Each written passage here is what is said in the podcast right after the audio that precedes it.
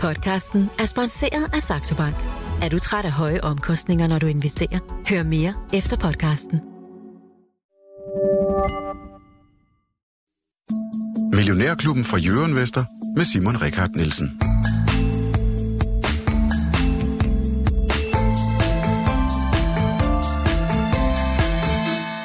Godmorgen og rigtig hjertelig velkommen til Millionærklubben her fra Jørgen Vester.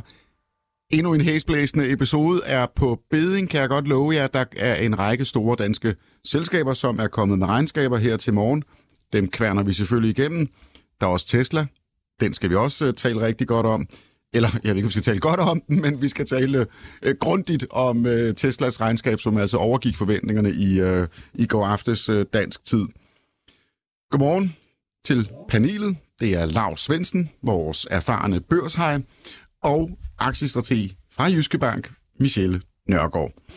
Øh, dagens øh, store nyheder, skal vi lige tage dem her med det samme? Måske skulle vi bare lige kigge på markedet. Det er grønt, det ser dejligt ja, ud. Det er rebound fra i går, hvor vi fik jo ordentligt, sådan set et ordentligt hug, 2,3 procent ned, og nu genvinder vi det halve i dag. Det er den korte udgave, og det var nok også, fordi det var noget overdreven, øh, som de, de sablede løs i går. Ikke? Og, det, og når der så kom sådan en historie som den med Netcompany, der faldt 20 procent, øh, det er jo altså noget sjældent, at det indtræffer for nogle af de store selskaber, så, så, ligesom, så begynder alle sådan at blive bange. Hvad er det, du sidder med for nogle? Er det rådne frugter, vi sidder med? Ikke? Og det, det, det, var, det var lidt sådan en, der var.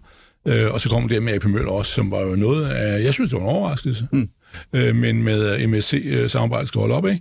i 25, men altså det er der dog to år til. Det var lige, bare lige for at ja. vi, vi talte ikke så meget om det i går, men altså AP Møller har jo en... Øh en, en form for alliance, et samarbejdsaftale. Ja, drift, drift, øh, altså de sejler, øh, udgifterne på de fleste ruter er sammen med de andre, eller de kombinerer skibene, ikke? Mm. og det vil de så ikke gøre mere fra 1. januar 25. Ja. Hvad bider du uh, mærke i her til morgen, Michelle? Jamen, der er jo kommet øh, flere forskellige regnskaber, som du selv er inde på. Ja, skal vi ikke lige tage dem? Hvem er det? Jo, jamen den ene, det er Tryk, yes. øh, vores forsikringsselskab, jo. Og den anden, det er... Ja, den anden, det er så i høj grad Novozymes, der også har været ude. Og øh, hvis vi, jeg ved ikke, om vi skal kaste os ud i det, men hvis vi, hvis vi kaster os ud i, øh, i Novozymes, jamen så må vi sige, så er der egentlig tale om en pose blandet bolcher. Øhm, når vi kigger på salgsvæksten, så kommer den mere end 2% bedre ud, end konsensus havde ventet. Tjek. Øhm, men derimod, så kigger lidt på, på EBIT-marginen, ja, men så skuffer den en smule mere, i forhold til i hvert fald, hvad, hvad der var lagt i forventningerne altså i markedet. Det, det er tal, som udtrykker, hvor gode de så er til at klemme, klemme noget, noget profit ud til aktionærerne nede på, på bundlinjen. Der, der halter den lidt. Der halter den lidt. Øhm, og det er altså også i forhold til, hvad konsensus ventet. Man kan sige, en af de ting, som, som jeg tror, markedet nok måske kigger lidt nærmere på, det er ikke så meget regnskabstallene, som vi har set indtil videre. Det er når vi egentlig taler om fjerdekvartalsregnskaber, så er det ikke så meget selve regnskabstallene, der får så meget fokus, men mere i forhold til selskabets forventninger i forhold til, til, til fremtiden. Og der ser vi altså noget helt andet her. Øhm, der hvis vi kigger på i forhold til salgsvæksten, øh, ja, der ligger den på de her niveau, der hedder 4-7 procent, de guider. Og det er, der ligger vi faktisk, øh, det er faktisk positivt i forhold til, hvad konsensus havde ventet indtil videre. Der lå de altså nede på omkring de her 4,6 procent, så det er altså noget helt andet i forhold til, øh, der, der går de i hvert fald ud og overrasker positivt. Og der er lige et arbejder bare i forhold til det her, og det er i forhold til øh, rent faktisk Øh, nu bliver jeg lige hullet lidt ud af den, Simon. Det er, fordi jeg står og kigger, det er, fordi jeg står og kigger på min telefon. Det er min skyld. Undskyld. Men i forhold til det, der er lidt op og bare, i forhold til salgsvæksten, og det er, at at cirka halvdelen af denne her organiske vækstforventninger, de vil være drevet af prisstigninger. Og ikke man sige, at det er egentlig noget skidt noget. Jamen, egentlig forventning, generelt set er det måske ikke noget skidt noget i forhold til, det egentlig er prisstigninger. Men man skal dog lige være opmærksom på, at det dermed ikke efterspørgselsdreven en del af den, altså i hvert fald halvdelen af det, men derimod mere prisstigninger, som man forventer, der egentlig kan gå med til at booste den her indtjening, eller hvad hedder det, undskyld, salgsvækst længere op. Godt. Jeg, jeg tænker faktisk, at vi lige kommer tilbage til uh, Novozymes uh, lidt senere i udsendelsen, fordi vi skal også lige se på kursreaktionen, når vi skal tale om, hvad, hvad, hvad er der af potentiale ja. i, uh, i, den, i den som aktie. Men uh, tryk, siger du. Ja, de er jo også kommet ud. De er også kommet ud. Og jeg tænkte på, om vi skulle have en, øh, en, en linje igennem til... Øh, jeg får at vide af min tekniker, der går lige to minutter. Han tager den ikke lige. Det er fint. Men øh, vi, vi ringer Morten Hyber op lige om lidt, som er CEO i, i Tryk. Men øh, et par overskrifter fra Trykregnskabet. Vil du komme ud med det, Lars? Nej, fordi jeg er jo lidt negativ på den, så Okay, vi ikke. Jamen, hvis man ikke har noget godt at sige, så skal man holde sin mund. Er det, Ja, det, det, det, om, det- om det 4-5 ligner år, ikke- så skal jeg nok have tryk igen. Så, så Nå, okay, indtil det- da, så er jeg jo sådan set ligeglad. det ligner Jeg er græskatolsk. Ja, vi ligger jo så i den helt modsatte ende Nå, af det er dig. fint, så vi, ligger, jo- vi ligger jo så på, på, på køb jo, øhm, med, med vores anbefalinger. Og der kan man sige, at, at hvis vi kigger som overordnet set, ja, så er det forsikringstekniske resultat for fjerde kvartal. Jamen det kommer øh, 2% bedre ud, end markedet havde ventet indtil videre. Øh, hvis vi så kigger på bruttopræmieindtægterne, altså hvor mange præmieindtægter de rent faktisk får ind, ja, så ligger vi i den modsatte ende, så er det øh, 2% sværere, end markedet havde ventet forud. Og så en anden ting, som er den her tekniske resultat, altså combined ratio, som også kigger rigtig meget på. Skal vi, skal vi ikke lige uh, Jo, forklare, hvis man er får det, combined ratio, det det er, hvor du rent faktisk, øh, det er jo, en, af- jo lavere det egentlig er, jo bedre er det, fordi at det, man, man deler det op med, at det er selve skadesudbetalinger og, øh, og erstatninger, som man har, i, og så divideret i forhold til de her undskyld, præmieindtægter, man har. Så jo højere præmieindtægterne er i forhold til de skadesudbetalinger, man får, og, og andre omkostninger, jamen desto bedre er det. Så jo lavere det her combined ratio rent faktisk er, det er taget om en brøk, jamen så, så er det egentlig bedre. Så tjener de altså flere penge. De får flere penge ind i forhold til, at de skal betale ud. Og det er altså det, som, som man ser på, og der har det også noget en lille spids bedre, end markedet havde ventet, når vi kigger på fire På combined ratio? Ja. Okay, Morten Hyppe, hvad har du lavet? Jamen, øh, vi har jo heldigvis haft et godt år igen, så det er jo dejligt, at vi med en combined ratio på 82,1 kan vise, at vi er en af de mest solide forsikringsselskaber i verden, efter et år, hvor man må sige, at verden har været noget turbulent. Godmorgen, Morten Hyppe, og velkommen til Millionærklubben. Øh, jamen, vil du, ikke, øh, vil du ikke, øh, jeg synes, du skal have lov til at starte med at sætte nogle flere ord på, øh, på, på det seneste kvartal, måske det seneste år. Hvad er situationen for tryk lige nu? Jamen altså, vi er jo glade for, at vi leverer det højeste forsikringsresultat nogensinde i Trygs historie, og ser vi alene på fjerde kvartal, så stiger vores forsikringsresultat faktisk med 105 procent. Og der er jo især sket det, at vi er blevet en markant større virksomhed med de her opkøb i Sverige og Norge. Og dykker man lidt ned i tallene, kan man se, at uden for Danmark, der er vores resultat simpelthen vokset med 187 procent fra 1,2 milliard til 3,5 milliard. Og det fortæller jo historien om, at vi er blevet en helt anden og meget større skandinavisk virksomhed, og det præger resultatet for 22. Men jeg har faktisk lidt et spørgsmål, øh, Morten. Ja, det kan være, vi lige skulle præsentere dig for, for Morten også. Det er, Morten, det er Michel Nørgaard, som er aktiestrateg i, øh, i Jyske Bank. Så, så nu, ja. nu, er det, nu er det både Millionærklubben, du taler til 50.000 private aktionærer, og så er det sådan et professional conference call. Det havde vi godt nok ikke aftalt, men, men Michel Nørgaard har lige ordet. Ja, jeg har jo talt lidt med Anders i forhold til det her, øhm, og, og en af de ting, som vi måske godt kunne, kunne, godt kunne tænke os at høre lidt mere fra dig, det var, at den her, I har jo været rigtig, rigtig dygtige i forhold til, til privatmarkedet. Øhm, mm. Må man sige, I har jo egentlig en virkelig pæn vækst på, på 4 procent, hvor, hvor, hvor, I- hvor, I- hvor I simpelthen vækster her. Men jeg, jeg kunne godt tænke mig at vide, hvad er jeres konkurrencefordel? Altså mærker I øget pres for konkurrencen, øh, for jeres andre konkurrenter, eller hvordan ser det ud? Og hvad er egentlig jeres, jeres succes bag, bag den her øh, øh, pæne vækst i privatmarkedet? Jamen faktisk, hvis vi isolerer for, øh, for, for både privat og vores erhvervsforretning, altså det vi kalder vores retail-segment, så ligger vi her i lange perioder med en vækst på helt op over 7 procent. Og det er sådan lidt en blanding af, at vores kundeloyalitet stiger, fordi vi bliver bedre og giver bedre og bedre kundeoplevelser, så kunderne bliver simpelthen hos os længere. Og så vil jeg våge at påstå, at vi er dem, der er gået forrest med at være innovative og lave nye produkter. Nu er det for eksempel graviditetsforsikringer, vi lige har lanceret. Øh, før var det, var det børneforsikringer, cyber, cyberforsikringer, tandforsikringer. Og det vil sige, når vi bringer nye produkter til markedet, så gør vi sådan set markedet større. Og dermed så vokser vores toplinje mere, end markedet samlet set vokser. Og det er også en af grundene til, kan du sige, egentlig burde vores vækst være faldet som en sten i 22, fordi antallet af nye indregistrerede biler er faldet som en sten. Det er jo traditionelt vores største produkt. Men fordi vi har lavet en række nye produkter, så stiger vores toplinje altså kraftigt alligevel. Og I mærker simpelthen overhovedet ikke noget øget pres for, for jeres, de andre konkurrenter? Jeg synes, der er heldigvis øh, hård konkurrence, og vi mærker sådan set også, at vi har nye samtaler med vores kunder, fordi stigende energipriser, stigende elpriser, uro i verden, det gør vores kunder urolige. Så de ringer til os, og vi har nye samtaler om, hvordan sikrer de deres børn bedst, deres hjem bedst, deres kæledyr bedst. Så utrygheden i samfundet er steget, og der er masser af konkurrence. Men når vi tager et skridt tilbage, så ser vi alligevel, at summa summarum er, at vores kundeloyalitet stiger, vores antal af kunder stiger, vores antal produkter stiger, og vi har en flot samlet toplinjevækst. Så jeg synes, vi kommer rigtig flot igennem en uh, turbulent uh, makroperiode. Ja, det må man sige. Morten, øh, du får også lige et par kritiske spørgsmål fra vores lyttere, fordi de er jo måske både aktionærer, men der er også rigtig mange af dem, der er kunder hos dig. Og ja. så har man det jo altid sådan, når det går så godt for et forsikringsselskab, jamen, så burde de jo sætte præmierne ned. Ja, altså man kan jo sige, at øh, ser vi på inflationen i Danmark, så var den øh, 11 procent i, øh, i november måned. Ser man på inflationen i Sverige, så var den 12 procent i december måned. Og man kan sige, at i en verden, hvor inflationen er så voldsom som det, så gør vi egentlig alt, hvad vi kan for at trække vores øh, reparationsudgifter ned med vores leverandører. Det kan vi ofte gøre med 15-20 procent ved at lave bedre aftaler. Og så prøver vi at gøre behovet for prisstigninger så lavt som overhovedet muligt. Men man kan sige, at med så høj inflation, som der er i hele samfundet lige nu, så er der vel intet, der bliver billigere. Men lad os øh, håbe, at krigen stopper på et tidspunkt, da inflationsbilledet nærmer sig et normalt niveau igen. Mm. Og så lige til allersidst, Morten, øh, jeg kunne lige forstå på, på Michelle her, at Jyske Bank øh, anbefaler deres kunder, at altså, der er købsanbefaling på tryk. Øh, med, ja. stu, med i studiet har vi også Lars Svendsen, som siger, at han vil ikke røre jer med en ildtang.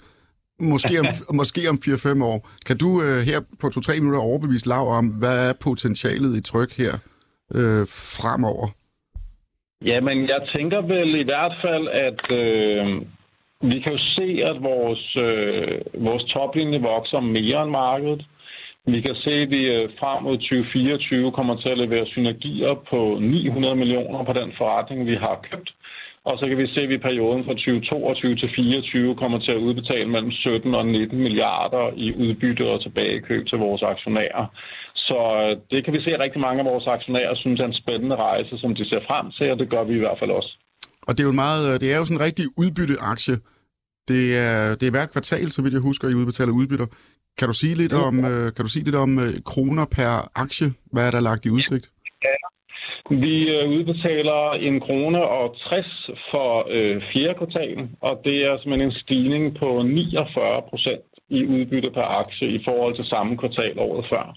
Så, så det er hver kvartal, og det stiger øh, kraftigt som følge af, at vi er blevet en større forretning, øh, især i Sverige og Norge og de her synergier og den større forretning kommer til næsten at fordoble vores indtjening, og det kommer til mere eller mindre at fordoble vores øh, udbytte. Så det er, synes vi, en god rejse, som mange af vores aktionærer sætter pris på. Altså, var det, var det, øh, er det jeres forventninger til 2023, at I fordobler udbyttebetalingerne? Man kan sige, hvis man ser på udbyttebetalingerne for den forrige strategiperiode, og man ser på de forventede udbyttebetalinger for den kommende periode, altså 22 til 24 hen over de her tre år, så er det en fordobling af vores øh, udbytte, vi stiller aktionærerne i udsigt. Morten Hyppe, jeg vil sige uh, tusind tak, fordi du lige havde tid til at deltage her. Du skal sikkert videre tale med en masse andre uh, mennesker her til morgen. Men uh, tak for det, Morten. Velbekomme. Ha' en god dag. Tak, i lige måde. Nå, hvad så, Olav? Ja, hvad så? er du, ja, er du nej, overbevist? Nej, nej, nej, slet ikke. Nej, nej, nej, nej. det er jo, tryk er jo i virkeligheden en fejlkonstruktion. Men, men øh, når det handler om, hvordan... Når man, det er jo, Michel, du må godt grine højere. ja, ja, men det, det er det, fordi det er... Jeg har faktisk her til morgen regnet ud, øh, der kom en åbenbaring. Det sker jo, det er ikke meget, jeg tænker, jeg fik en åbenbaring. Øh, hvordan skulle man egentlig have lavet det der? Hvis du var i Tyskland, så havde man kunnet konstruere den rigtigt. Nemlig som et øh, kommanditselskab på aktier, hvor øh, kommandit af anpartshaveren det er øh, tryk øh, øh, kunderne. Fordi øh, de er jo blevet puttet over i noget, der hedder tryghedsgruppen, hvor man sådan øh, efter et eller andet tilfældighedsprincip betaler noget tilbage. Det er så 8 procent, var det sidste år. Øh, øh igen, det var så 21 øh, præmierne af. Men det er jo i virkeligheden, vi betaler jo skat af, at vi har betalt for meget præmie. Det er jo et andelsselskab, hvor man, øh, øh, ligesom andelsselskab, regulerer jo øh, sin præmie. Men det, der er så forskellen, det er, det er jo, at vi har jo ikke fradragsret for vores øh, præmiebetaling til en forsikring, men omvendt skal vi betale skat af, at vi får vores egen penge tilbage. Det er en fejlkonstruktion. Øh, forleden dag, så sent som for to-tre dage siden, var højesteret, den kongelige højesteret i det her land, kom med en dom, det er der ikke rigtig nogen, der omtalt, øh, vedrørende, øh, at man havde fra tryghedsgruppens side ment, at man skulle beskatte øh, det, som aktionærerne får som aktieindkomst. Det er selvfølgelig også absurd, og det sagde øh, nye Peter Kristoffersen, han er en fornuftig mand, så det alle sammen var der øh, ni mand, tror jeg det var, at øh, nej, nej, nej, den går ikke. Altså ligesom kunne se igennem øh, det hele, springe alle formalitet og siger, at det var aktier, trøsgruppen ejer, og det er øh, os som kunder, jeg er jo kunder også, øh, som ejer dem, så skulle de beskattes som det. Men vi skulle så stadigvæk beskattes, det ville så bare blive som aktier, ikke som øh, hvad hedder det, en anden form for øh, anden indkomst. Øh, men det er fuldstændig absurd. Men det er jo det, der gør, at hele tryk kommer til at se stor ud, og kommer til at se ud, som om man tjener mange penge. Fordi 800 millioner kroner, det er jo, hvis man tror, at det er det rigtige tal, det kan man diskutere. Øh, det er jo virkelig noget, der går, altså, du skal trække 800 millioner fra resultatet. Ikke? Øh, det er jo sådan set det, og det er jo kun i Danmark, at kunderne får det. Det er ikke i Sverige nå. Men, øh, men, men, men det er en fejlkonstruktion. Men det ser stort ud, så har de lavet en tegning, øh, og de har udstedt for 30 milliarder kroner næste år, de har fået i kassen, ikke? som de så brugt på at købe det her i RSA, og vi håber, det bliver godt, og det er jo opgaven, det er jo for det til at køre. Ikke? Og det kører til synes meget godt, men det er jo fint. Men, men øh, de er jo en stor fordøjelsesfase. Hvis du tager en meget skæg regnskab, du kan sige, de har en egenkapital på 42,5 milliarder. Det lyder meget. Ja, ja, fint nok. Men de immaterielle aktiver i tryk, ikke? hvad er de på? De er på 32,7. Så har de altså en egenkapital på 9,8 ikke? for at drive en forretning den her størrelse. Hvis det var mig, der havde siddet i Finanstilsynet, så havde de aldrig fået lov til at købe det der.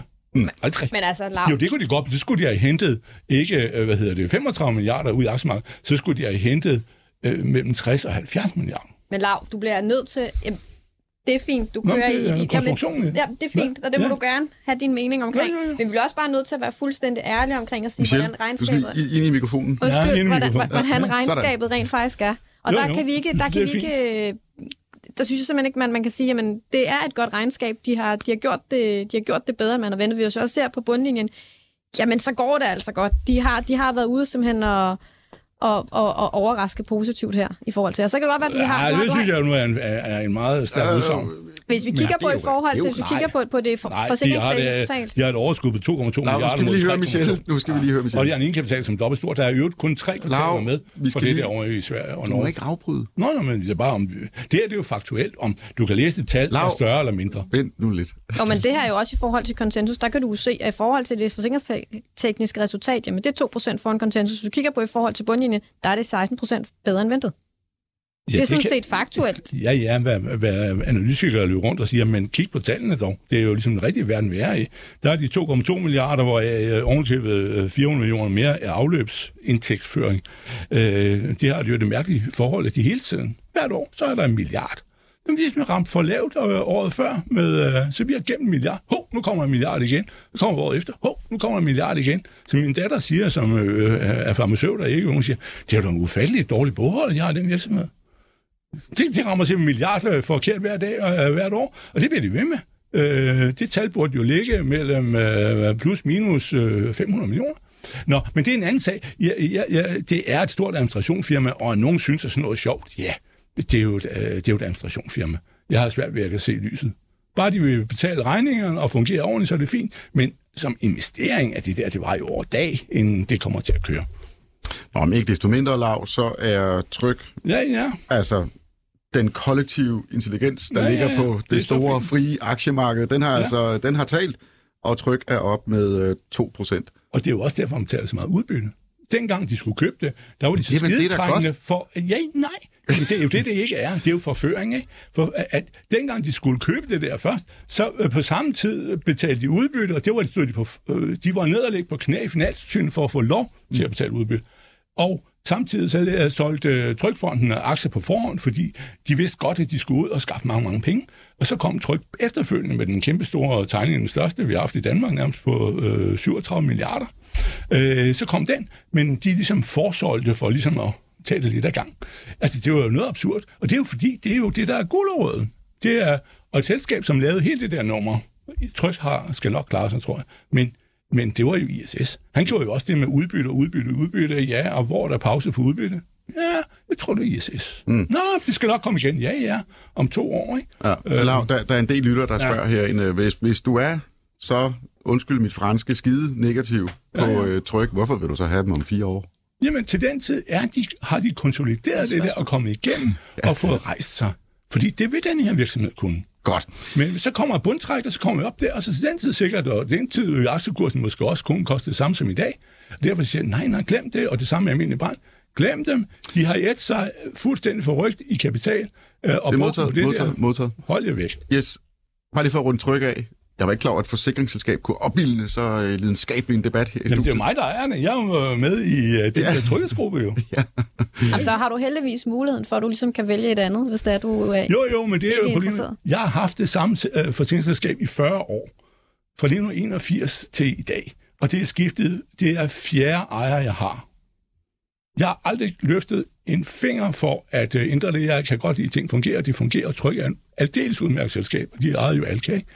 Men, men, øh, men det, er den er jo gået fra den ene til den anden til den tredje, og nu er det Emils tryk, og så stopper vi der.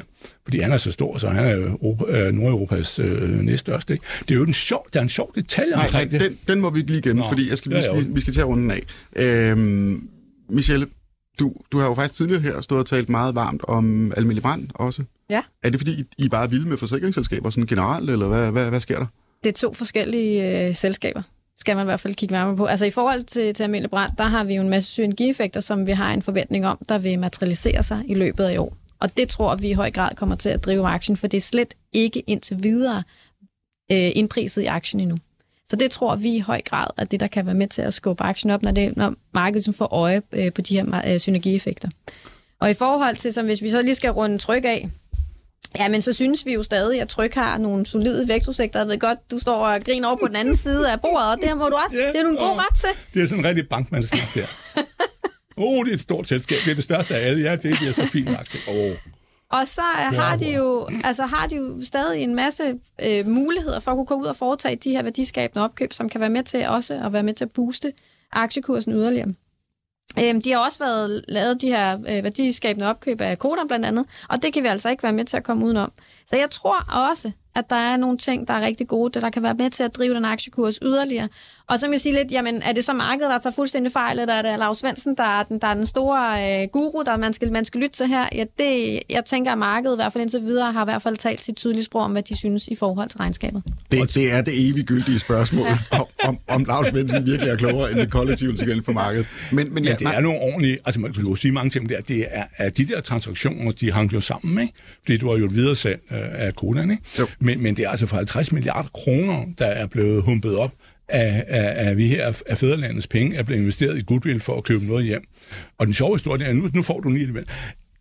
Da de solgte, jo, men po- pointen var, at ham, der var sal, sal, sad som sælgerdirektør, han gjorde så god en business, at han er blevet udnævnt af Sampo, der er det største selskab, til at være formand for Nordea. Tror du det er, fordi han synes, at det var noget lort? Nej, han tænkte, hold kæft mand, thumbs up. Den mand må jeg have fat på. Lav, du, du har altså en fantastisk evne til at have nogle øh, meget klare, bombastiske alternative holdninger. Det er pragtfuldt. Men, jeg vil bare lige runde det her med deres øh, tryks øh, udbyttepolitik. Øh, det her med, at øh, man, der er både aktietilbagekøb og udbytte og sådan noget. Hvor, hvor meget betyder det, det, det, det for dig, Michelle? Jamen det betyder, en, altså specielt hvis du kigger på en almindelig investor, så betyder det ret meget. Øhm, når man egentlig kigger generelt set, når alle fjerdekvartalsregnskaberne er overstået, så er det faktisk udbyttesæsonen, der går i gang. Og det er det, man kigger nærmere ind på.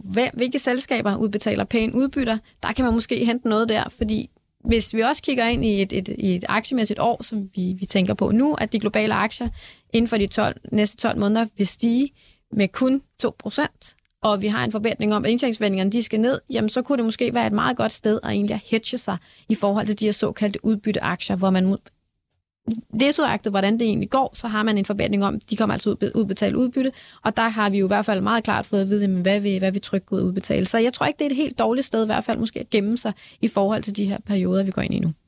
Du lytter til debatten på DR2. Mit navn er Clement Kjærsgaard. ja, det er sjældent bølgerne går så højt. Det er meget dejligt. Nå, nej, mit navn er Simon Rikard Nielsen, og du lytter naturligvis til Millionærklubben, og med mig i studiet har jeg aktiestrateg Michelle Nørgaard fra Jyske Bank, og den erfarne børshej. Jeg er begyndt at kalde dig øh, også Ja, i, i, artikler det, børshej. det irriterer mig, ja. Men Gør det, jeg- så sig det til mig. Ja, ja, Hvad skal jeg kalde dig? Bare kald mig økonom.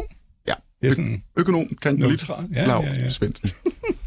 øhm, Hvad har I mest lyst til at tale om nu? Fordi øh, nu, Hvad nu synes nu vi, skal lige have lidt fred og fordragelighed. Ja. Jamen, øh, vi skal tale om Tesla, og øh, og vi skal, jeg synes også, vi skal tale lidt mere om øh, Novozymes. Øh, Skal vi, øh, skal vi tage fat i Tesla? Øh, Ja, det er... Det kan vi mig. sagnis gøre. Ja, det, okay. Det bliver Nå. endnu mere vred. Ja, det, det er også derfor, jeg tænkte, lad os lige trække videre en gang. Okay, men altså, det er jo sådan, Ja, hvad er Tesla, det? Tesla kom med deres årsregnskab, øh, og tallene for fjerde kvartal, som jo er det, der er typisk er vigtigst for professionelle analytikere. Øh, det gjorde de i øh, går aftes, og øh, de blev kraftigt belønnet på det, der hed eftermarkedet, hvor aktien steg med, hvad var det, 5, 6 procent, 5,5 procent. Godt. Øhm, og det var, fordi de overgik øh, markedets analytikernes forventninger både til salget og til indtjeningen. Ja. Jamen, du har fuldstændig ret i, at det, det kom altså, de steg rigtig meget i eftermarkedet. Øhm, hvis vi egentlig kigger på, igen, det er i forbindelse med fjerde kvartalsregnskaberne, regnskaberne er ikke sådan, regnskabstallene er ikke det, man fokuserer sådan alt for meget på. Det er mere i forhold til forventningerne til det kommende år, altså 2023. Og der forventer Tesla, at de vil levere 1,8 millioner biler. Det svarer til en vækst på 37 procent. Og man kan sige, det lyder ret meget af en pæn vækst på 37 procent. Men hvis vi egentlig kigger på, hvad deres langsigtede guidance er, så er der faktisk tale om en vækst på hele 50 procent. Det, er der er en stor divergens mellem det. Og de har i hvert fald den her, den her øh, øh, langsigtede vækstforventninger, der er på 50 procent mange år frem, der skal løbe der. Så spørgsmålet er, hvad er det egentlig, der gør, at vi får det her mismatch? Og det tror jeg, når markedet dykker lidt mere ned i, hvad det egentlig er, der, der, der, der er tale om det, jamen så kan det formentlig godt kunne sætte aktien i hvert fald øh, på en smule. Og så har vi jo så, ja, han gør jo lidt, nogle lidt forskellige ting, må man sige. Noget, noget, han kører i hvert fald lidt, lidt, lidt anderledes ledelsesstil, end vi i hvert fald er vant til herhjemme. Øh, både i de ting, som, som han, han foretager sig, og, og, og hvordan markedet også reagerer på det. Og det er jo lidt, øh, det er i hvert fald nogle kommentarer, som, som markedet i høj grad vil, vil forsøge at få svar på, når det, han kommer ud med, med, med efterfølgende regnskab og, og, og det her holder til konferencen. Hmm. Øh, jeg ved ikke, hvor meget du var nede i tallet, men var der noget nyt om den her prisreduktion? Man må sige, Elon Musk bare i lille Danmark har skabt fuldstændig kaos. Øh, både prisen for nye biler og især øh, brugtvognsmarkedet. Øh, Det boomer. det, det boomer. Jeg så, at øh, jeg så, der var, jeg tror, der var, der var en eller anden øh, redaktør på et, jeg tror, det måske var bilmagasinet FDM, eller et eller andet, som taler om, det er en 100-års begivenhed. Øh, det er fuldstændig kaos. Der er i øh, hvert fald kommet rigtig mange biler til, til salg, som Men hvad så. betyder det for Tesla øh, i, i, i, i aktien, markedet? Lav, har du nogen erfaringer med en virksomhed, som bare går ud og dumper prisen 30 procent? Altså, ja, ja, jamen, nej, nej, ja, ikke på den måde, men, men, øh, men det er jo sket før også øh, nogle IT-foretagender, som virkelig sad på et marked, som så satte knaldkade prisen. Men der er en historie, øh, og det er måske den, han sidder og har udrundet, at, at Henry Ford gjorde det jo. Øh, en, øh, en, en gang, da han var kommet, øh, så vidt jeg forstod det, kommet ret godt øh, foran de andre, så knaldede han simpelthen prisen i bund og sagde, at øh, mine øh, medarbejdere, det var så den øh, smukke historie, ikke? Man skal, de skal jo altid pakke ind, ligesom der er hård konkurrence for tryk, ikke? de sidder på 22 procent af markedet, Malker en ko. Øh, der er voldsomt hård konkurrence, de kan ikke sove om natten, du. Men, men hvad hedder det, glad han, de kommer, uh, har du sovet godt med? Ja, uh, det var ikke for konkurrencen, nå. Men, jeg tænkte sådan noget. Nå, men, øh, men, men, det, øh, men der sagde han jo, øh, så knaldede han simpelthen prisen ned brutalt, og det øh, tog så også livet af nogle af, af de andre, ikke? Men, øh, men det der, man skal også lige huske det der, altså jeg kan regne ud, så øh, jeg, jeg, siger, jeg bliver ikke rig på Tesla, jeg holder mig langt, langt væk, og den dag det måtte forsvinde, eller blive meget mindre, eller blive opkøbt af nogen, eller hvad ved jeg, på et andet niveau, så tillykke med det. Men øh, så vidt jeg ved, har de, regnet ud, har de 12 procent af øh, elbilmarkedet, så er de der historier om, at det er dem, der styrer det der. Ikke? Så, ja, de styrer den høje ende, og det er det gode. Altså, det, som Tesla bidrager med, var jo, at, synes jeg, sådan, når vi skal se historien tilbage, det er sådan, jeg tænker, øh, inden det er sket, så som øh, om 20 år skal kigge baglæns, at han øh, placerede elbilerne i high-end-markedet, altså mod Audi og Mercedes og sådan noget. Og på den måde løftede han jo det op, som vi snakkede i går om Ellerden, eller det var for en eller anden dansk bil, vi engang havde, sådan noget, en eller anden kabinescooter, ikke? Øh, der indede øh, ingenting, men men, men han løftede det jo derop, og dermed så kom øh, rykket det fremad. Ikke? Men øh, nej, du, det der, det, øh, det er... Men, men det, er jo, det er jo, som ham, øh, Marinvestmanden siger deroppe, øh, Jeppe Christian, det er en kult. Det er simpelthen en kult. Der er, øh, det er en investorkult, og øh, de må jo have lov at udfolde sig, ligesom de gør det i, øh, i bitcoin og alt muligt andet, så tillykke med det. Mm. Nej, jeg bliver væk fra det der.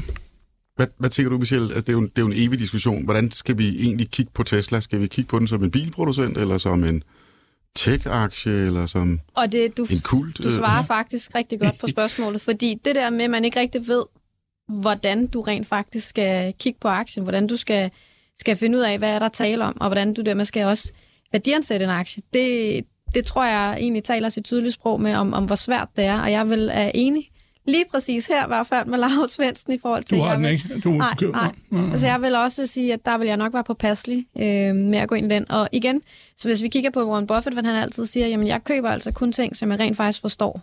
Spørgsmålet er her, forstår man egentlig Tesla fuldt ud? Jeg, jeg betvivler det en smule. Mm. Øhm, okay, jeg har jo sådan set også øh, sk- øh, udtalt mig og skrevet øh, om, om, om Tesla øh, mange gange efterhånden, øh, som i kommentar på Jørgen Øh, og jeg er også nok på det der hold der, hvor jeg, jeg synes, det er lidt farligt, det der med, at det bliver sådan lidt fan-kultur-agtigt. Mm. Øh, og især når der er for eksempel sådan nogle, som, nogle aktieinfluencer, eller hvad det er, som har, øh, hvad ved jeg, 40, 50, 60 procent af deres aktieportefølje i et virksomhed, ja. Tesla, øh, så er det jo vanvittigt, uanset hvor meget man holder af det her selskab. Øh, den, den risiko, man påtager sig. Øh, har I måske et generelt råd til øh, folk, der er bevæger sig ind på aktiemarkedet, eller sidder derhjemme med deres portefølje og kigger? Øh, ja, hvad man generelt set skal, jamen du skal være, altså, du skal være meget klar på, at de penge, du lægger, du går ind med i aktiemarkedet, også penge, du rent faktisk kan tåle at tabe. Du skal ikke gå ind med mere, end du kan tåle at tabe. Det er den ene ting. Du skal være opmærksom på, hvor meget risiko du vil påtage dig. Du skal være opmærksom på, lad nu være med at lægge alle æg i samme kurv, som du netop er inde på. Lad være med at have 60% i en aktie. Fordi hvis den lige pludselig falder, jamen så, så er der ikke særlig meget andet til at kunne opveje det. Jo mere spredning du har, altså jo flere aktier du rent faktisk har i din portefølje, så kan du meget bedre klare de udsving, der måtte være. Og så skal du hele tiden ja, bruge din sunde fornuft, holde øh, fast i din investeringsstrategi, øh, selvom at markedet går op og ned. Fordi man har set, at hvis der man forsøger at time markedet, jo, nu falder markedet, the falling knife, som man siger, men vi vil gerne hurtigt ud. Hvis der du forsøger at time markedet, det er rigtig, rigtig svært, man når nærmest aldrig top og bunden, jamen, så, og du går ud af markedet, så risikerer du faktisk at gå glip af de bedste handelsdage. Og over en lang periode, så de her udsving, som vi så blandt andet sidste år, jamen det betyder rigtig, rigtig lidt i det lange og samlede billede.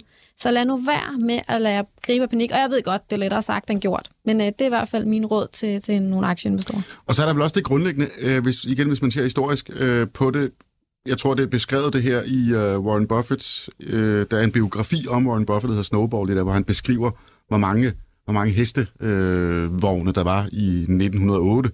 Øh, og så 20-30 år senere, så skulle alle køre biler. Kæmpe vækst. 100 år senere, altså i 2008, der gik alle de amerikanske bilselskaber sådan set de facto konkurs, ikke? og skulle starte forfra under, under finanskrisen og blev rekapitaliseret. Altså, det er et marked, der på et eller andet tidspunkt vel ender i fuldkommen konkurrence. Ja. Så al ja. den vækst og profit, som Tesla nyder godt af nu, fordi de er first mover, den bliver vel spist op på et eller andet tidspunkt. Er I enige i den tese, som jeg har om det? Der kommer jo mange flere bilproducenter til. Det kan vi også se i forhold til elbilmarkedet. Vi kan se, at der sker en, en kæmpe innovation på særdeleshed på batterier, hvordan er både løbetiden er, og længden, man kan, ja, man kan, man, man kan køre på, øh, hvor, hvor hurtigt de skal genoplades osv. Så, så ja, det er helt klart noget, vi ser et marked, der udvikler sig med hastige skridt, og det kommer også til at være den vej, vi kommer til at gå. Så Tesla, ja, det er rigtigt, som du siger, det har været first mover, men de kommer ikke til at sidde på tronen hele tiden, også i den kommende fremtid. Det tror jeg ikke. Altså bilmarkedet i verden er på cirka for lette køretøjer, det er jo også øh, små varmevogn, er knap op 80 millioner enheder, ikke? og han øh, har produceret halvanden million, ikke? og regner med øh, at komme op på 1,8 millioner i år. Så det er altså 2% øh, andel. Ikke? Men, men, men der er problemet med det, men, og, det er jo, og det er faktisk også alvorligt for, for de gamle bilfabrikker, fordi de er jo ligesom på vej ind nu, ikke? så det var noget med EU-regler i, i 21 om emissioner og alt det, og det er en, øh, mærkeligt nok, sådan kom de først der, men nu er de jo så taget øh, hårdt fat, ikke? Øh, for at få gennemsnits, øh, man bruger gennemsnitstal for emissionen for biler, ikke? Så de kan have nogle af de store med, øh, med 144 gram, og så øh, nogle, som er 0, fordi man regner mærkværdigvis elbiler til 0, og det er det jo ikke, men det gør man.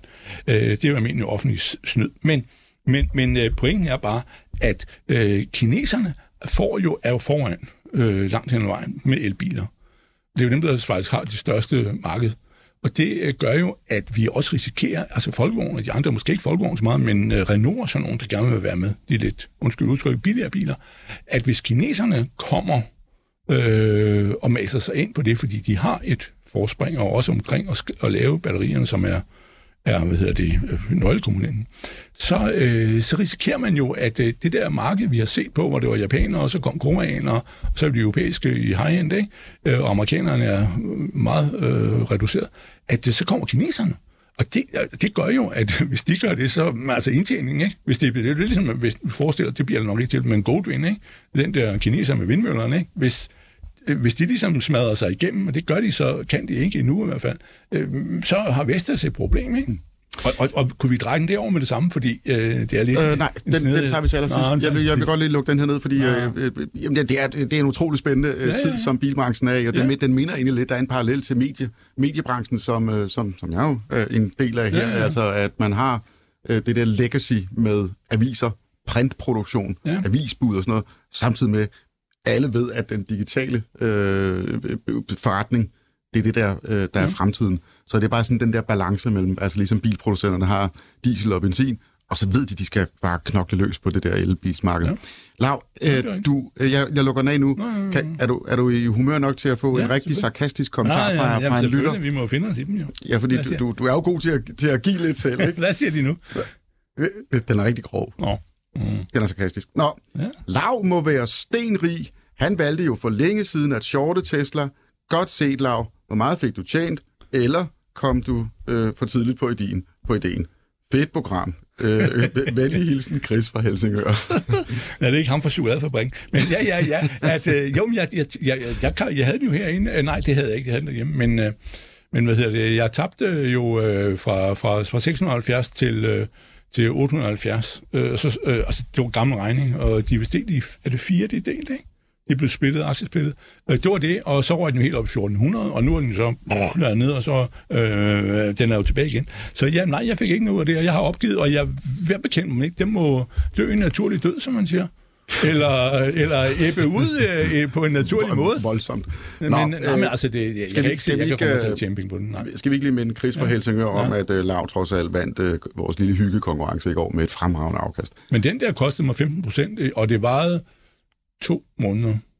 Så det er, det er jo også en volatil aktie. Yes, vi lukker ned for Tesla i denne runde.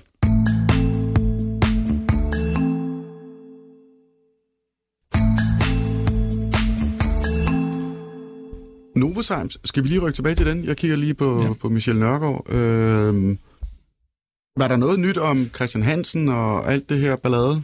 Som de altid melder ud, så er der jo, vil de jo faktisk ikke kommentere på, øh, på de her såkaldte budrunder, som vi har, og eventuel fusion. Øh, men det er, de er jo meget korreleret, og det er også derfor, at når vi ser, at der sker noget, så er det primært, altså Christian Hansen og Novozymes aktiekurser, der, der, der ligger meget, meget lige hinanden, hvordan de udvikler sig.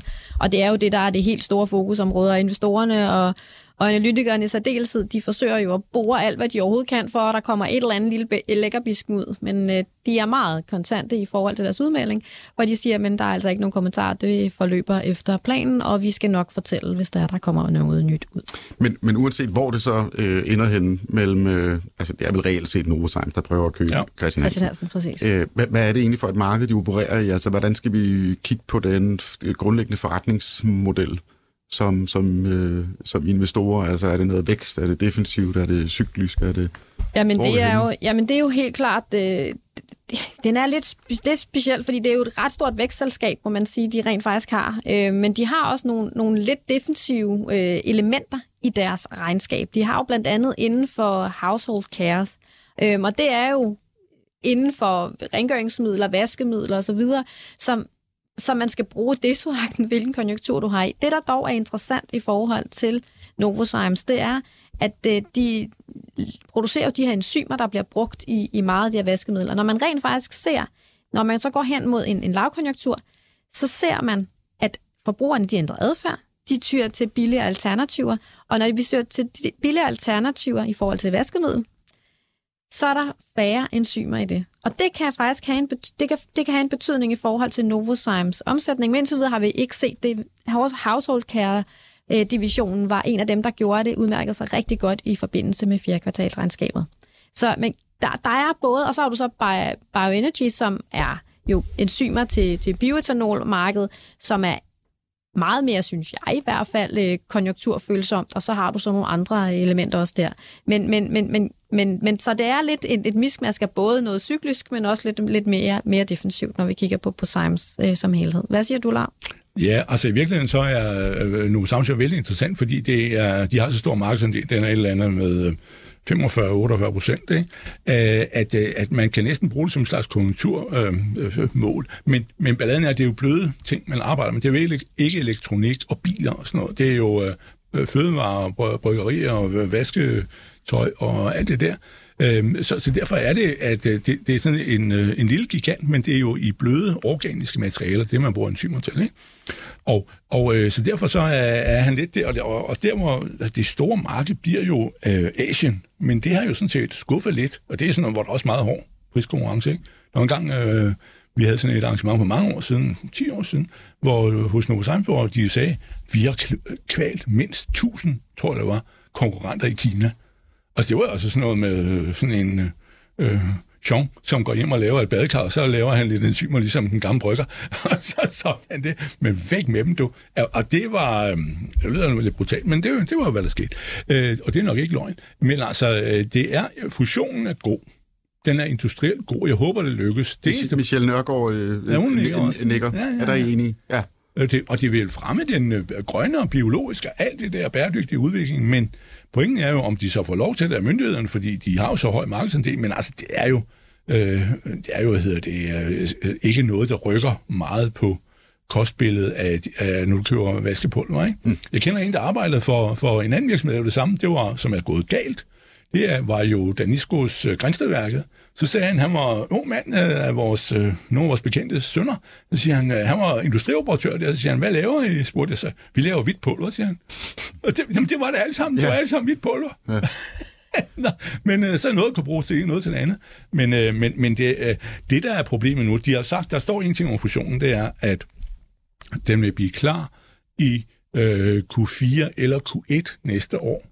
Altså, øh, altså øh, næsten om et år. Altså øh, Q1 2025? Ja. Er vi ude? Øh, nej, nej, nej 24. 24 må blive. Altså, det er næsten et år Nå, øh, okay. for wow. at få bakset det der på plads. Det er jo altså, det er en, det er, det er en lang... Øh, ja. Det er en langsom affære, ikke? Så, okay, Nå, okay. Jamen, hvad, hvad skal vi så gøre? Christian Hansen eller Novozymes? Ja, det er så et spørgsmål om prisen, hvis du, øh, fordi øh, der er jo faktisk hele tiden discount på Christian Hansen, og jeg står jo og skulle købe nogen. Min lille mor har besluttet sig til, at hun vil gerne have noget fremtid i, og det er nu, jeg sagde, du vent øh, på, den kommer ned, det var på 415, og nu er den så nede i 350 øh, nu sammen, ikke? men du kan jo købe, øh, du skal gang med 1,53, øh, det er ombygningsforholdet, får du okay.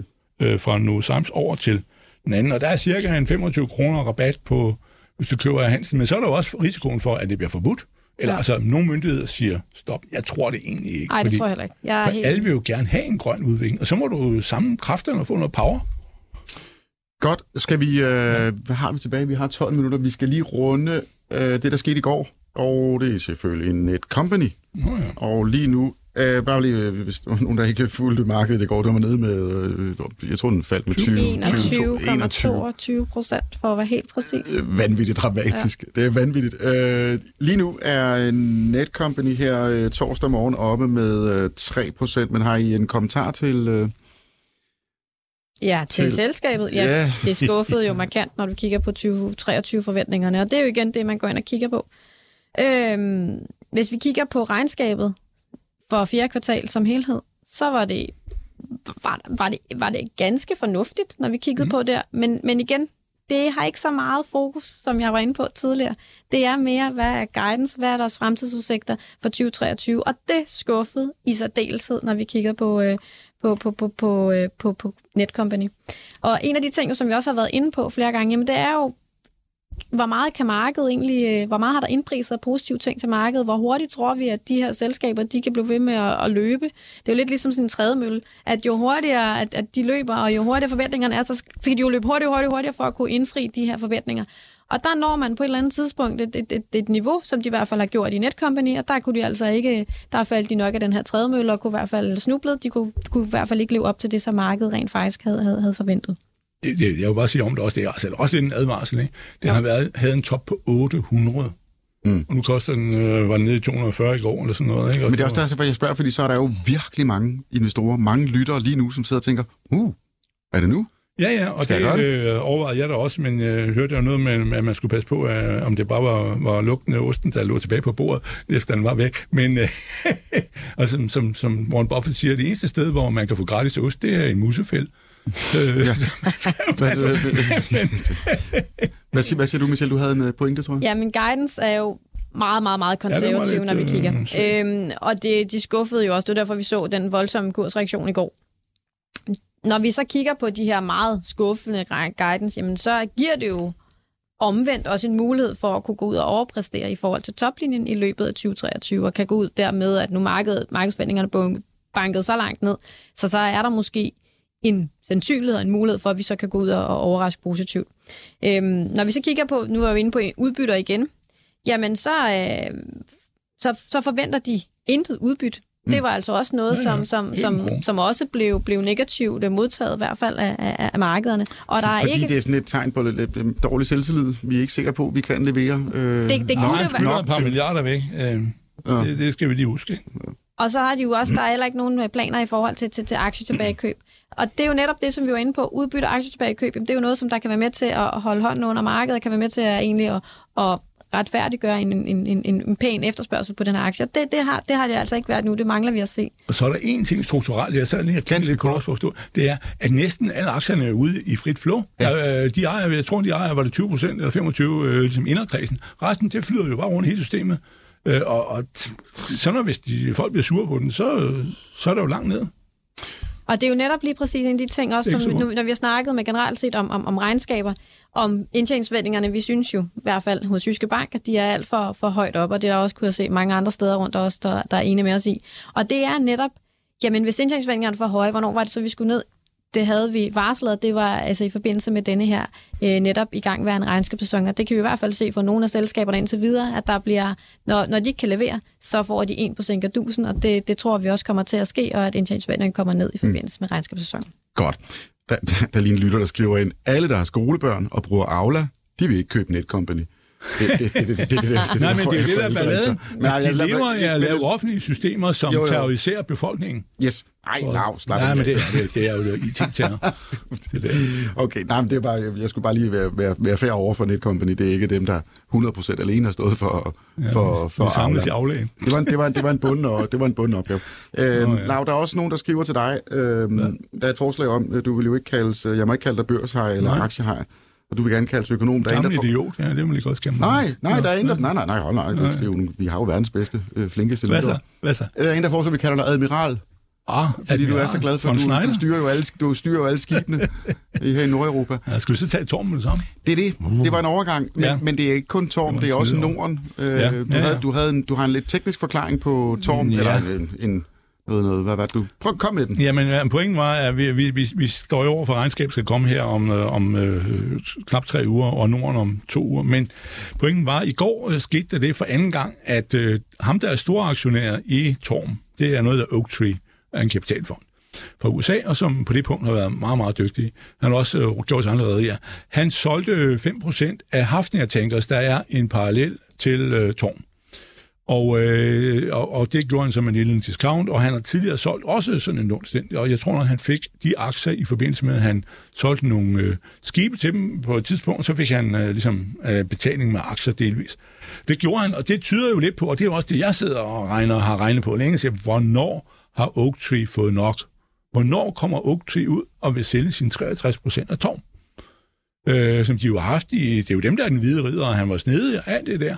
Øh, det var næsten ligesom øh, Scholz og Tanks til det. Han sad og trak den til det sidste, og så kom han ind for ingen penge, og har puttet penge ind igen, og, kom- men han har jo døjet rundt med det der i, i vel syv år nu, og på et tidspunkt skal de jo ud, øh, den kapitalfond, og der må man sige, hvornår vil han ud, ikke? og når han øh, går ud, han har 63 procent, det er, så ændres forholdene jo anderledes, så bliver der en ny ejerforhold, eller bliver opløst, eller formentlig bliver det opløst, ikke? hvad mener du med der- opløst? Ja, altså, at man sælger det til mange, ikke? Altså, Nå, ja, okay, men, men yes, ikke er yes. en, der køber Jeg troede, det. det min virksomheden. Nej, nej, nej. Men, Okay. øhm, så det er det øverste, skulle Torm have købt syv øh, øh, LR1-skibe, sådan nogle 75.000 ton om. Det er der ikke nogen, der har snakket om. Men, øh, men hvad hedder det? Altså udvidet, øh, og det er der jo ikke noget med det at gøre, men, øh, men øh, det skulle han have gjort her for et par dage siden. Men, øh, men altså, øh, han er nok nede og vende nu, men det er den der, øh, altså, at du ser, hvad Oak Tree gør et sted, hvor de så er ikke ret mange aktier, der siger, hvornår Øh, men altså, han vil jo nok have 200 for den, ikke, så vil jeg tro. Så Men den er det satte jeg på. faldet og faldet og faldet Ja. og faldet. Men Ja. det er der altså også nogle andre rædderier, der er, Michelle. øh, Ser, hvad, hvad, hvad ser du på det her marked? Jamen, hvis vi kigger på i forhold til, til Mærsk, den synes jeg jo er, er interessant at have med. Øh, den, øh, nu har vi lige fået at vide, at øh, de for det første ikke, som du selv var inde på, øh, forlænger den her 2M-alliance, øh, som udløber i starten af 2025. Vi har set, at fragtraterne de er for nedadgående. Øh, det er så ikke totalt kollaps, men historisk forstand, så er det stadig ret stort øh, fald, vi har set. Vi, kan, vi ser ind i en recession. Nu kan vi godt sige, at nu er Ulrik her ikke, men vi er i hvert fald enige om, at, enige øh, om det. at, at vi kommer til at se en recession, både når vi kigger på USA og Europa. Øhm, og det betyder, at der kommer til at være en, en langt lavere efterspørgsel øh, på transport af varer. Og det, det, dermed så, så bliver det lidt interessant at se, hvad kommer der til at være. Indtil videre må vi sige, at der har været stadig prisdisciplin øh, pænt blandt øh, rædderierne.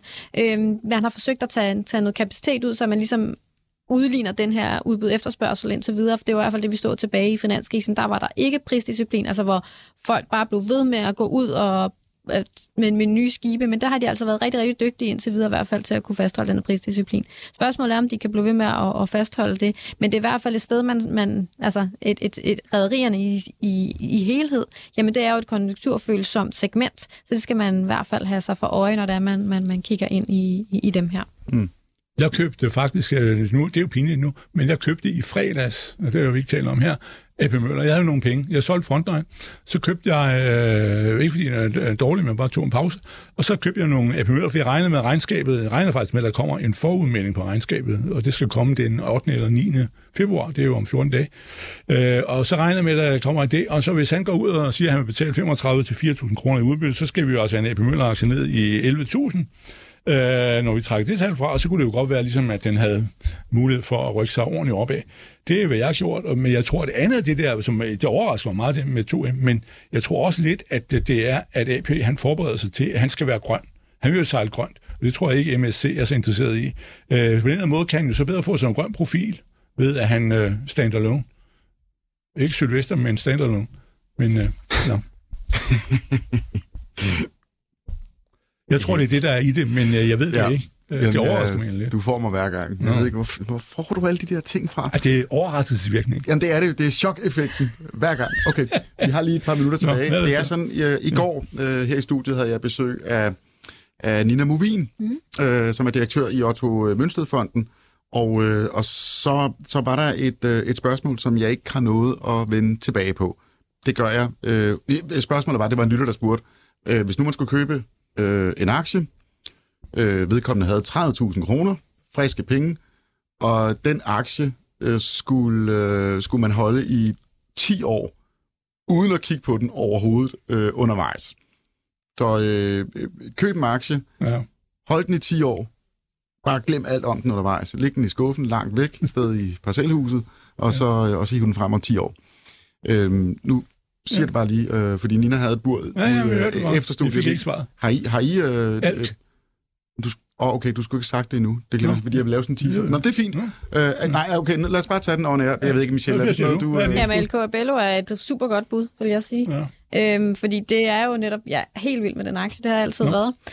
Øhm, ja, og ellers så vil jeg også sige, Novo, Novo Nordisk er heller ikke et helt dårligt bud at have den inde i, øh, Mm. i, sin, i sin skuffe i de næste 10 år. Godt. Jeg lover jer, lytter, jeg laver en øh, artikel om, øh, om det ja, her. Hvad mener du? Nå, Det, det skal man gå ind på Jørgen Okay. og jeg tror, jeg har lige kigget med kalenderen, den ligger der cirka 12.30 i dag, øh, torsdag. Markedet, Netcompany, oppe med 3,7 procent, så den får altså lige lidt, øh, lidt rekyl her i dag. Øh, men men en, en, endnu en god dag, det har været en god start på året. Det må man sige. Ja, men det er lidt øh, uler i mosen. ikke? Jo, og spørgsmålet er igen, hvor, hvor lang tid de kan vente, og det er jo også det, som vi siger, jamen øh, vi tror, at aktiemarkedet det kommer til at falde i løbet af, af første halvår her. Uh, Nå, det, vi når ikke mere den her runde, men øh, Michelle, du er tilbage næste Det er torsdag. Lav, du er tilbage i morgen. Ja, ja, ja. Tak til Daniel ude i teknikken, og tak til Laura og Michelle, og tak til Morten Hyppe, fordi han lige havde tid til at tale med os. Det var det. Vi ses øh, på genhør.